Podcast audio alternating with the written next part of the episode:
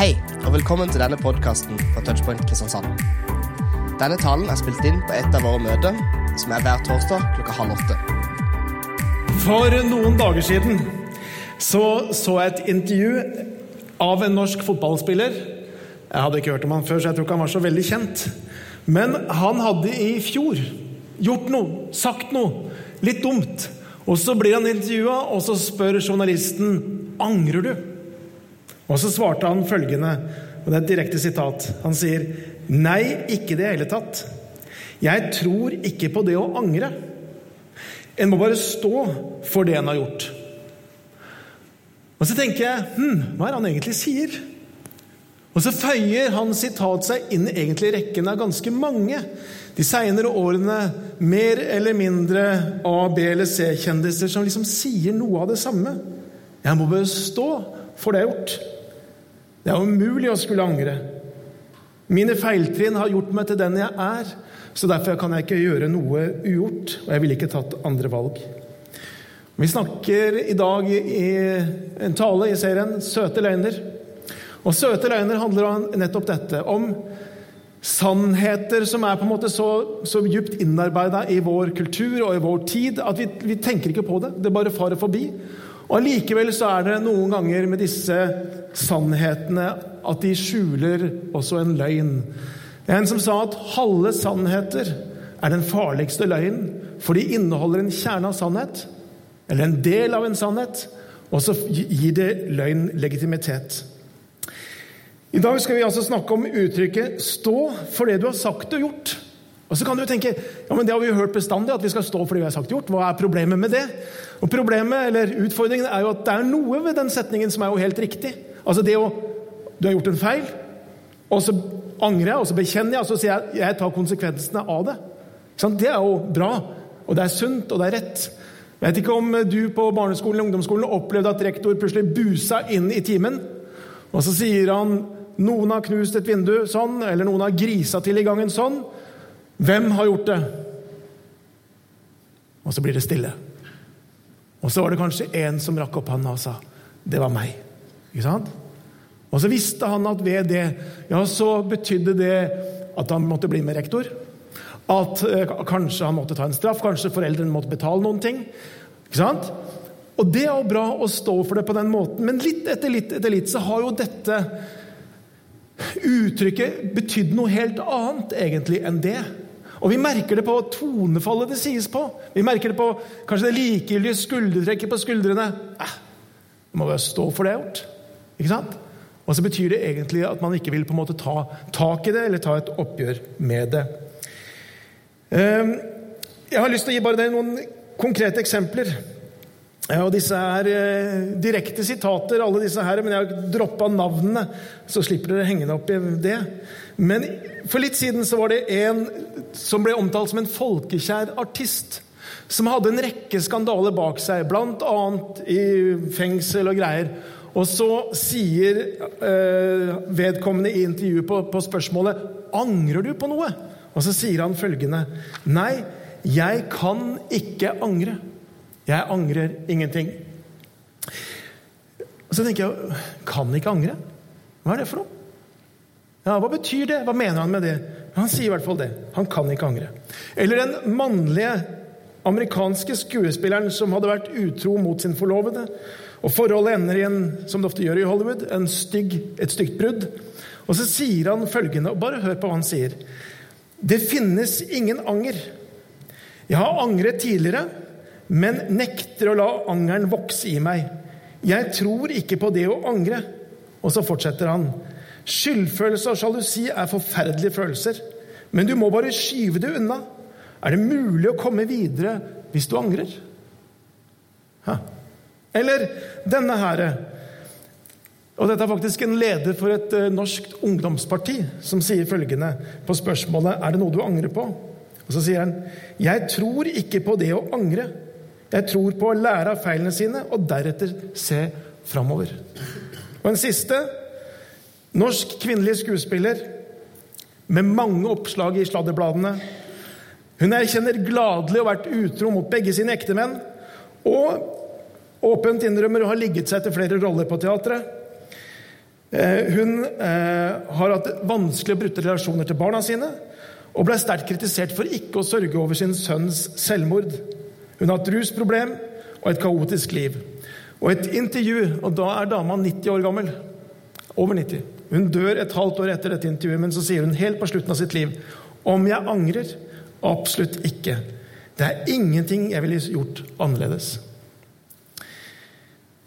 Hva er problemet med dette? Og jeg tror Noe av problemet er at for veldig mange av de som sier det, det er jo ikke det at de ikke kjenner anger. Skjønner du? Det er jo en diagnose på de som ikke kjenner anger. De er psykopater eller sosiopater. Det er en lidelse.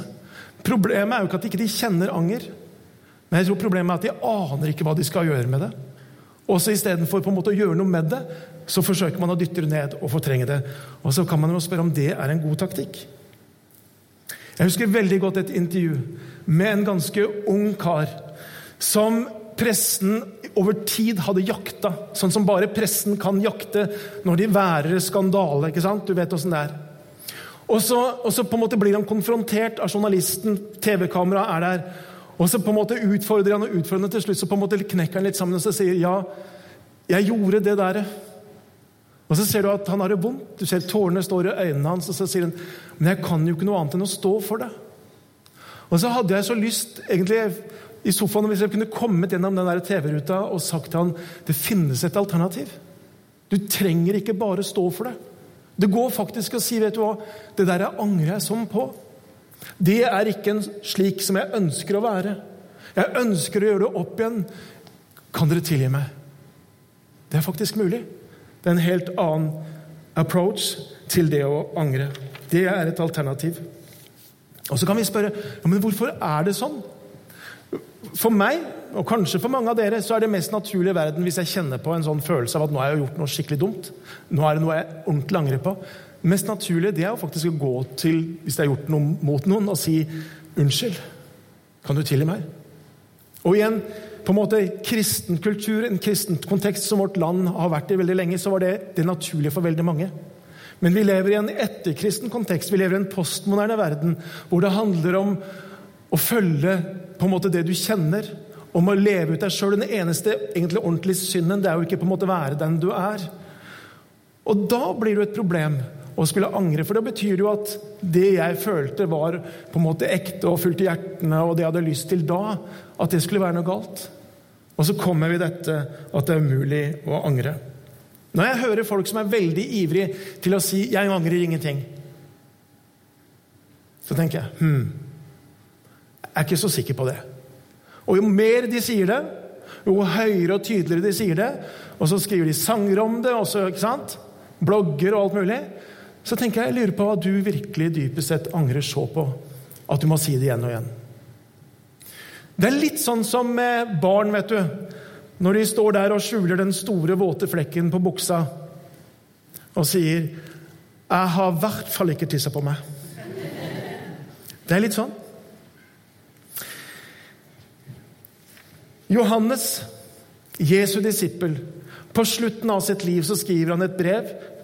eller Han skriver flere brev, men det ene brevet, i første Johannes brev, så sier han noe om dette som jeg syns er veldig presist. Han sier følgende.: Sier vi at vi ikke har synd, da bedrar vi oss selv, og sannheten er ikke i oss. Med andre ord, sier vi at vi ikke har noe vi har angra på, noe vi på en måte skulle gjerne hatt ugjort, noe vi ville gjerne gått tilbake og gjort annerledes Hvis vi sier det, at vi ikke har synd, så sier Johannes da bedrar vi oss sjøl. Det er et selvbedrag, de tinga der. Så det første jeg hadde lyst til å si til dere, det er det. Du trenger faktisk ikke å stå for alt du har gjort. Det finnes et alternativ. Og det å si det der, det er ikke meg. Jeg ønsker det var ugjort. Det andre jeg har lyst til å peke på, det er hva da skal vi gjøre med det vi angrer på? Hvor bærer vi det hen? Hvor tar vi det? For en stund siden så oppdaga jeg en TED-talk fra 2011. Og Denne talen den fikk min oppmerksomhet fordi den handlet nettopp om det vi snakker om nå.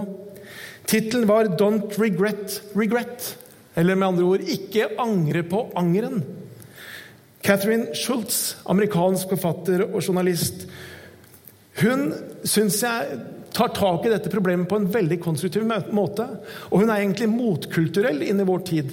Og så sier hun da at det å si at man ikke angrer på noe, eller på en måte det å leve, forsøke å leve på en måte hvor en måte vi fjerner oss fra angeren Hun sier at det er faktisk ganske sykt. Og bokstavelig talt, sier hun, det er definisjonen på en hjerneskade hvis man ikke kjenner anger. Og så sier hun ganske friskt i dette, denne TED-talken om du faktisk ønsker å leve et liv uten anger, så er det en mulighet som ligger åpen for, for deg. Det er lobotomi.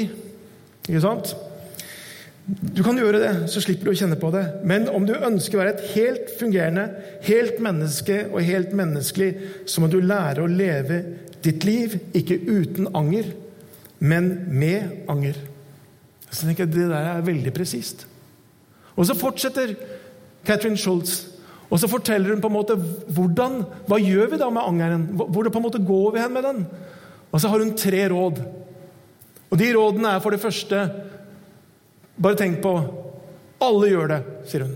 Alle gjør noe de angrer på. Alle gjør noe de angrer på. Det andre er se det komiske i det. Og det tredje rådet det er tiden leger alle sår. Og så tenkte jeg er det mulig? Var det alt? Var det alle rådene Catherine Schultz hadde om hvor vi kunne gå med angeren? Skal det, der, skal det hjelpe meg når jeg på en måte knuses fordi jeg har misbrukt tilliten av noen som stolte på meg og var glad i meg? Skal det hjelpe meg når jeg kjenner på at jeg ikke har klart å være den pappaen som jeg gjerne skulle ha vært? Skal det der hjelpe meg når jeg kjenner meg bare sønderknust fordi det er noe der som jeg vet har såra de som er mest glad i meg? Skal det hjelpe meg når jeg vet at jeg har påført kanskje mine foreldre, byrder og bekymringer over år. Alle gjør det. Se humoren i det. Tiden legger alle sår. Utrolig lite å komme med. Utrolig lite. Catherine Schulz på mange måter har rett diagnose, men hun har i hvert fall ikke rett medisin. Og jeg tenker Det er her den kristne tro, det er her Bibelen, har et helt annet svar. Det finnes faktisk en vei hvor mennesker kan bli hjulpet med sin anger. Det finnes en vei hvor mennesker kan oppleve å bli fri, bli hel, bli et sant og ekte menneske. Det finnes et sted hvor det går an å legge fortiden bak seg og begynne på nytt. En vei som ikke er bygd med tomme ord eller tomme løfter eller selvhjelpstips som Schultz, men fordi at Gud har handlet. Fordi, som vi har sunget i disse sangene før, som vi skal feire når vi kommer til påsken om en, en ukes tid. Fordi Jesus han ble gitt for vår skyld. Han ga sitt liv på korset, og der tok han vår skyld. Han betalte det vi aldri kunne betale. Han tok straffen, og så sonte han det på korset så ved at han ga sitt liv. Og Det er egentlig hva troen, kristentroen handler om. Det er den store fortellingen.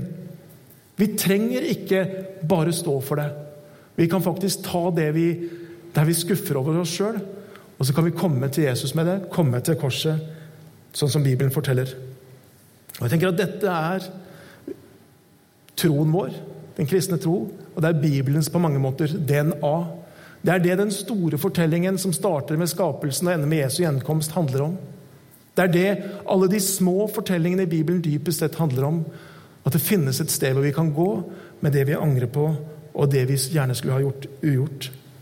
Johannes, Jesu disippel, som jeg assisterte i stad, han sier det i samme sted som jeg leste i stad. Så sier han det i Johannes 1,9. Men dersom vi bekjenner vår synd, er Han trofast og rettferdig, så Han tilgir oss syndene og renser oss fra all urett. Det er et fantastisk vers. Og Hvis ikke du har pugga det utenat, så har jeg lyst til å anbefale at du gjør det. Strek det under i Bibelen din. Det er på mange måter dette det handler om. Når vi bekjenner, når vi våger å på en måte dele det som vi angrer på, det vi gjerne skulle hatt ugjort med Gud, så står det så vil Han tilgi oss våre synder og rense oss fra all urett. Og Det er et sånt fantastisk evangelium som er noe helt annet enn å late som alt er bra. Det er veien til frihet. Det er veien til fred.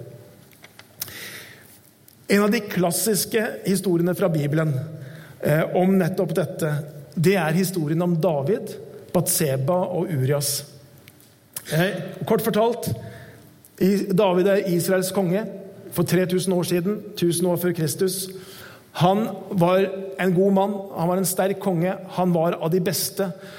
Han hadde noen svakheter, og en av de var at han var veldig svak for pene damer.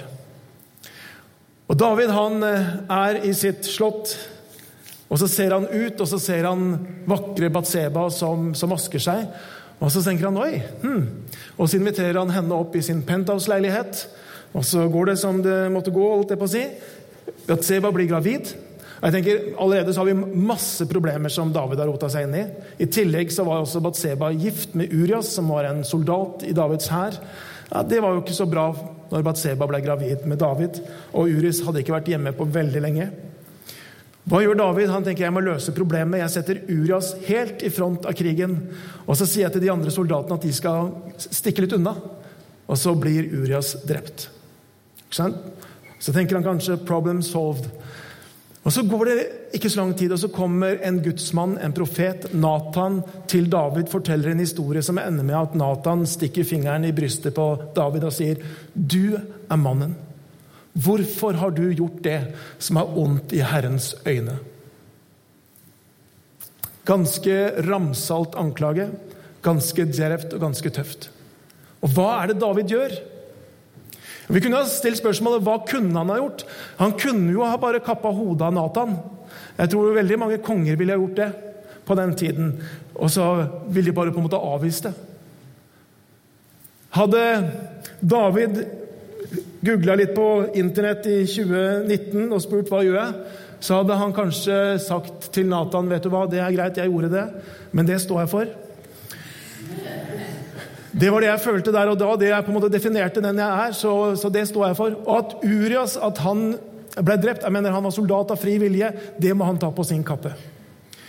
Hadde David eh, hørt på TED-talken til hun Catherine Schultz, så hadde han kanskje sagt noe sånt som Vet du hva? Det gjør alle, Nathan.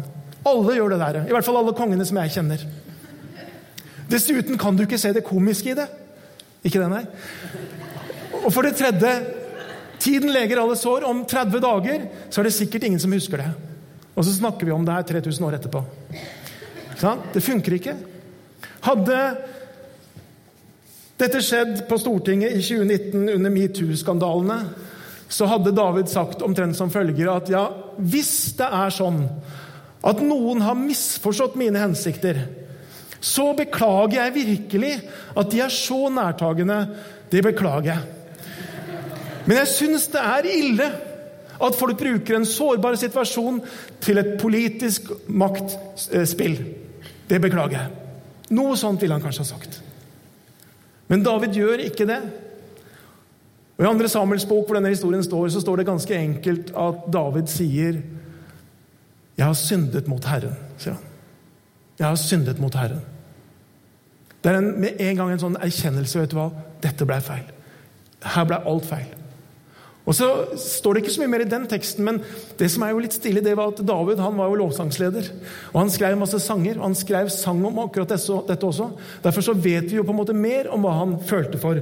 Og Vi kan lese i Salme 51, og der står det i en sånn overskrift til kolederen står det en salme av David da profeten Nathan kom til han eh, etter at han hadde vært hos Batseba. Og så sier David følgende.: Vær meg nådig, Gud, i din kjærlighet. Stryk ut mitt lovbrudd i din store barmhjertighet. Vask meg ren for skyld, og rens meg fra, for min synd. For mine lovbrudd kjenner jeg, og min synd står alltid for meg. Og sånn fortsetter denne salmen. Med en bekjennelse hvor David bare øser ut alt det han kjenner på av anger og smerte for sin Gud. Det er en litt annerledes holdning enn å bare stå for det.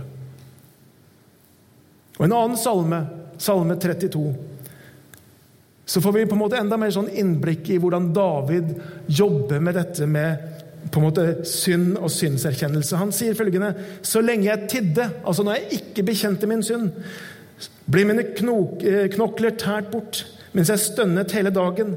For dag og natt lå din hånd tungt på meg. Min livssaft svant som i sommerens hete. Og Hvis noen har hatt sånn ordentlig dårlig samvittighet, sånn ordentlig bondeanger, som vi sier det noen ganger, så vet du at det er omtrent akkurat sånn det føles. Ikke sant? Det er akkurat som du blir gelé i alle bein og ledd. Og så er det som på en måte all energien bare far ut av deg. Ja, Har du kjent det? Jeg har i hvert fall kjent det. Og så står det Da bekjente jeg min synd for deg og skjulte ikke min skyld. Jeg sa, jeg vil bekjenne mitt lovbrudd for Herren. Og så står det, og du tok bort min syndeskyld. Ikke sant? Og så kan han kjenne det, at han kan få lov til å være tilgitt. David han kalles en mann etter Guds hjerte. Og det er jo interessant, for han var jo ikke perfekt. Han gjorde mange dumme ting. Men det var noe av dette her at han på en måte levde i denne bekjennelsen med sitt liv. Han fikk det ikke alltid til som han skulle, men når han feila, så var han innenfor Gud og åpna sitt hjerte. Og så kunne han gå videre i livet. Jeg tenker på Hva er det som skjer med oss? Har du tenkt det? Når vi lever på en måte disse to måtene som jeg på en måte tegner litt her i dag Enten å liksom ikke angre, stå for alt jeg har gjort, liksom stolt og stri på det, eller å leve et liv i bekjennelse, erkjennelse og oppleve at Gud kan tilgi deg. Det gjør noe med ditt forhold til deg sjøl. Når vi på en måte forsøker å presse angeren ned, liksom hevde at vi gjør aldri noe galt, så ender det ofte i skam. Jeg skal ikke si så mye mer om det, men det gjør det. Og Så kan du tenke hva det gjør med Guds relasjon eventuelt, når vi lever på den måten. Men det som er interessant, er at det gjør også noe med relasjonene mellom mennesker. For hvordan tror du det er å leve tett på en som sier 'jeg angrer ingenting', 'jeg gjør aldri noe galt'? på en måte? Det er ikke lett. Tenk å være på en måte kjæreste med en som har en sånn holdning. Tenk å være barn av foreldre som har en sånn holdning. 'Jeg angrer ingenting, har ingenting å beklage, ingenting å unnskylde'. Hvem har lyst til å være tett på en slik person? Og Så kan du tenke deg på den andre, det å være tett på et menneske som er raskt til å si vet du, 'Unnskyld at jeg gjorde dette'. Det var feil. Beklager det. Jeg ønsker å leve annerledes. Da kan man faktisk kunne tåle ganske mange eh, feile ting som blir gjort, hvis det er en sånn åpenhet om det. Den gamle apostelen Johannes, som jeg har lest eh, to vers tidligere, skal vi lese et tredje vers her. Han sier noe som er fryktelig interessant. Han sier dersom vi vandrer i lyset, slik han selv er i lyset, da har vi fellesskap med hverandre, og blodet fra Jesus, hans sønn, renser oss fra all synd. Og Det som er så interessant i det verset der, det er at det sier to ting. Det er to ting som skjer når vi lever i lyset, når vi lever åpent, når vi erkjenner vår nederlag, når vi bekjenner det vi ikke er stolt av. Så Det er to ting som skjer. Det ene er at det skjer noe i vår gudsrelasjon. Jesus, hans sønns blod, renser oss fra all synd. Så det, på en måte det, det gjør at vi kan, kan ha en nær relasjon til Gud. Så det er det ene. Men det andre, legger dere merke til det? Det står at når vi vandrer i lyset, slik han er i lyset, da har vi fellesskap med hverandre.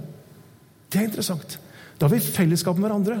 Når vi lever åpent, når vi lever ærlig, når vi bekjenner og erkjenner, så gjør det noe med hvordan vi har det sammen. Da kommer vi tettere på hverandre. Da får vi gode og nære relasjoner. Men der hvor vi sier 'jeg bare står for det jeg har gjort', jeg angrer ingenting', ja, Da ender det faktisk i isolasjon og brutte relasjoner isteden. Det er noe veldig interessant som skjer. Å åpent opp, bekjenne og erkjenne, ja, det er noe av det som faktisk gjør at det er godt å være sammen, det er godt å være nær.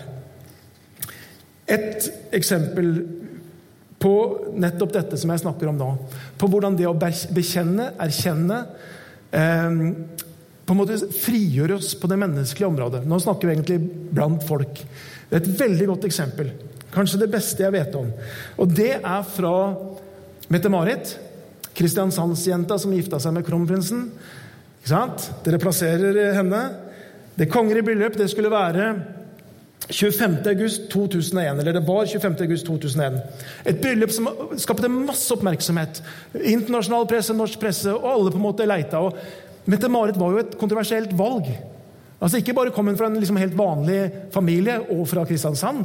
Det var jo bra, da, men Hun hadde med seg et barn. Hun var alenemor, som hun tok med seg i det forholdet. Hun, det gikk rykter om at hun hadde et ganske sånn utsvevende livsstil. ikke sant? Og presten den gravde og gravde. og Det var stadig rykter om disse tingene her. Det, det var rykte om at, eh, at, det fantes en film med kompromitterende materiale. Jeg hadde på den tiden en venn som var pressefotograf og jobba i Aftenposten. Han sa at jo, vi har den filmen i redaksjonen. Han hadde ikke sett den, men han visste at den var der. Så det var på en måte masse sånn her, Og det der bobla sånn under overflaten fram mot dette bryllupet. Og så, tre dager før bryllupet, 22. august 2001, så inviterer altså eh, ja, kronprinsessen og kronprinsen til Slottet. Og så er det noe som kronprinsessen vil si. Og så var det en sånn veldig spesiell stemning på en måte når disse to satt i sofaen der. Og så sier kronprinsessen eh, følgende Vi ser Jeg tror han skal lese det her. Mitt ungdomsopprør var nok sterkere enn alle andres, sier hun. Det var viktig å leve på tvers av grenser. Dette har vært en dyrkjøpt erfaring for meg, som det har tatt lang tid å bearbeide. Dette har vært vanskelig for veldig mange, men jeg kan ikke ta valgene på nytt, uansett om jeg skulle ønske det. Og så så du at dette berørte henne sterkt. Det var ikke noe på en måte hun sa lett, men du så virkelig at det var noe hun mente, og det var en anger her.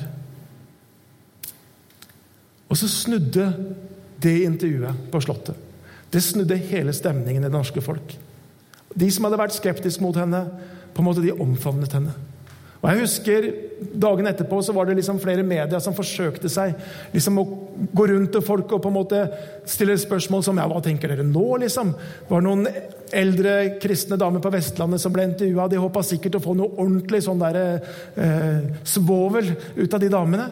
Og så sa de bare, vet du hva de bare omfavna henne, det de sa. ikke sant? Det er Så flott jente, og tenk at hun, tenk at hun eh, alenemor. Liksom. Det var bare sånn. De fikk ikke det de var ute etter. Og så snudde det hele stemninga. Til og med den kristne, dagsavis, eller kristne avisen Norge i dag, som jo er kjent både for å være konservativ og ganske sånn tung på labben, de sa følgende eh, Om tilgivelsen sitter langt inne hos media, Eh, så er det slike hjerter vår Far i himmelen ser etter. Det er godt at kristendommen er for feilende syndere, og ikke for de perfekte som kan alt, vet alt og aldri har gjort en feil. Det gjorde noe med relasjonen til Mette-Marit og hele det norske folk. Det der at hun våga faktisk å si at hun angra på det. I dag så har vi snakka om denne som, i hvert fall som kan være en løgn, og tenke jeg bare vil stå for det. Jeg angrer ingenting. Vil ikke erkjenne, vil ikke bekjenne, vil ikke si unnskyld. Og Så har vi sett på tre bibelvers, alle fra 1. Johannes brev. Og så skal vi nå mot slutten lese de i sammenheng. Og så har jeg lyst til å oppfordre deg disse versene som jeg snakker om i dag. Gå hjem, ta fram Bibelen, strek under. Om du er på nett eller i bok, så kan du gjøre det. Så skal vi lese disse versene inn mot slutten her. Men dersom vi vandrer i lyset, slik han selv er i lyset, da har vi fellesskap med hverandre. Og blodet fra Jesus, hans sønn, renser oss for all synd. Sier vi at vi ikke har synd, da bedrar vi oss selv, og sannheten er ikke i oss. Men dersom vi bekjenner våre synder, er Han trofast og rettferdig, så Han tilgir oss syndene og renser oss fra all urett. Og så håper jeg du har lært at veien å ta angeren, det du gjerne skulle ha gjort annerledes i livet ditt, at det er ikke å late som det ikke finnes. Eller på en måte å si at det der er det vil jeg ikke forholde meg til på. Men det er et vei, et sted vi kan gå. Vi kan gå til Gud med det. Så kan vi løfte det opp for ham. Og så kan vi si, kjære Gud, du ser dette. Kan du tilgi meg? Og når vi gjør det, så sier jo dette verset og dette løftet at da tilgir han oss syndene. Så renser han oss fra all urett. Og så kan vi få lov til å starte helt på nytt. Så er du trofast og rettferdig. Og så renser du for syndene og til oss alt vi har gjort, Jesus. Og Nå ber jeg Jesus om det er noen her som har kjent at det var noe her som, som berørte. Det ble noe de ble minna om i sitt indre. Noen ting de trengte å løfte opp for deg. Så ber jeg at de må kjenne også, i det de har gjort det, at de kan få lov til å motta din tilgivelse. At du skal sette de fri, at du skal gjøre de hele, at de skal få lov til å vandre livet videre sammen med deg. I ditt navn. Amen.